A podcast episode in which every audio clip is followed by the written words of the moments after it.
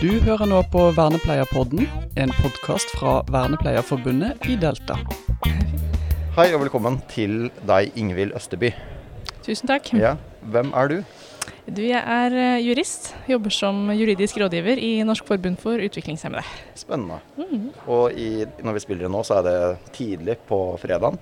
Eh, altså dag to her på Solkonferansen, som omhandler om eh, CRPD og menneskerettighetene. Så du snakket litt i går om hva da? Jeg snakka om eh, Tittelen var vel 'Hva vil CRPD gjøre i, for kommunene?' Eller for praksis i kommunene. Så jeg så litt på hva CRPD sier, eh, og hva norsk rett sier.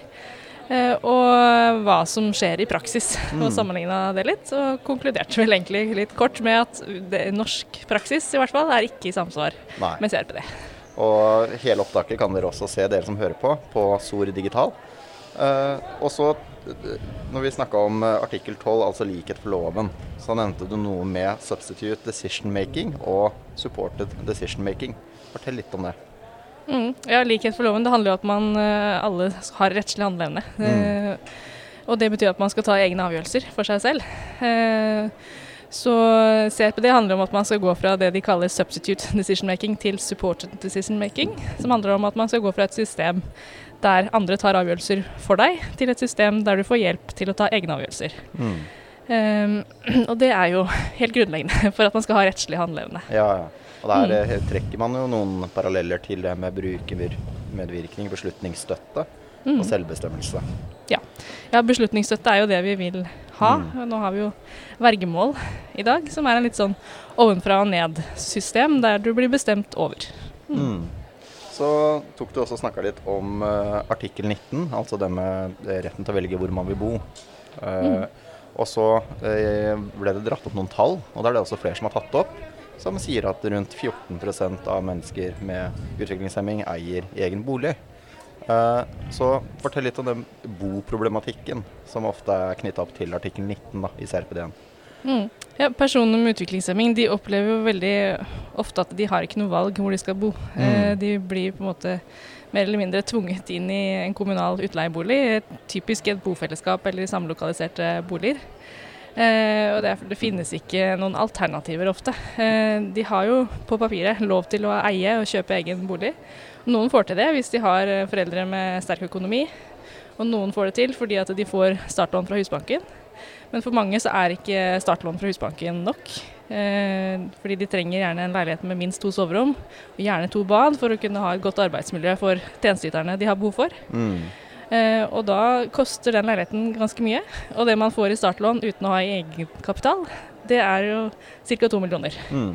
Så det er ikke så mange steder man får da, som en leilighet som oppfyller alle krav og Ja. er billig nok. Ja, det er uh, fascinerende og litt skremmende, tenker jeg. Eh, og så tok du og snakket litt om individuelle behov må vike for felles organisering. Ja, det handler jo om uh, det med at personer med utviklingshemming blir mer eller mindre pressa inn i disse bofellesskapene. Ehm, og det ser vi jo at kommunene gjerne foretrekker, fordi det er da lettere å effektivisere tjenestene. Én tjenesteyter kan gi tjenester til flere personer, fordi man da kan gi fellestjenester. Det er sånn det blir organisert, med felles måltider og felles aktiviteter og felles utflukter og alt som er, egentlig. Ja. Eh, og det er kort eh, reisevei på en måte mellom de som trenger tjenester, fordi at de bor vegg i vegg. Mm.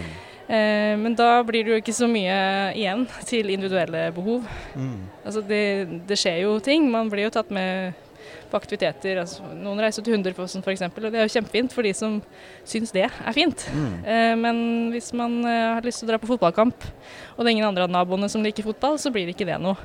Eller hvis man drar til moskeen, eh, Ja, så blir ikke det noe, fordi det er bare en som er muslim. Mm. Eh, da ja, drukner jo egne viljer og preferanser veldig i systemet, da. Mm. Men hvor For det her er jo et veldig viktig tema, og nå er det jo Mm. rett rundt i hjørnet, som du også nevner, kommer CR CRPD til å da bli norsk lov. Hva tror du veien videre er? Eh, nei, altså Det første vi vil, er jo at den CRPD-en kommer inn i norsk Mm. lov. Og så er jo ikke alle problemer løst ved det. Eh, vi vil jo at det skal inn i menneskerettsloven, det er jo det viktigste. Vi håper jo at det er det som kommer til å skje. Eh, det gjør at loven vil få forrang, men det har jo bare betydning hvis det er motstrid med norsk rett. Mm. sånn sett. Men bare det å ta det inn i menneskerettsloven vil jo eh, vise at denne konvensjonen og rettighetene til personer med nedsatt funksjonsevne har lik verdi som andre menneskerettigheter, og som alle andre har. Eh, så det, det er den signaleffekten der er viktig, og det at det blir tatt inn der, det tror vi også kan bidra til at det blir like mye oppmerksomhet, fokus, engasjement rundt de rettighetene som det er rundt Barnekonvensjonen i dag. Mm. Eh, Og da vil man få mer kunnskap, og det kan overføres til tjenestene igjen når man vet hva man skal jobbe etter. Veldig bra forklart. Og det er jo det han Karl Håkon også, fra SOR, eh, sa første dagen. Altså vi må eh, kjempe på alle fronter for å løfte dette. Så tusen takk til deg, Ingvild Østeby, eh, eh, juridisk rådgiver i NFU. Du har nå hørt på Vernepleierpodden. Som medlem i Vernepleierforbundet i Delta får du medlemsrabatt på forsikringer hos Gjensidige. Du får også gode vilkår på boliglån og banktjenester hos Nordea Direkt. Mer informasjon finner du på delta.no.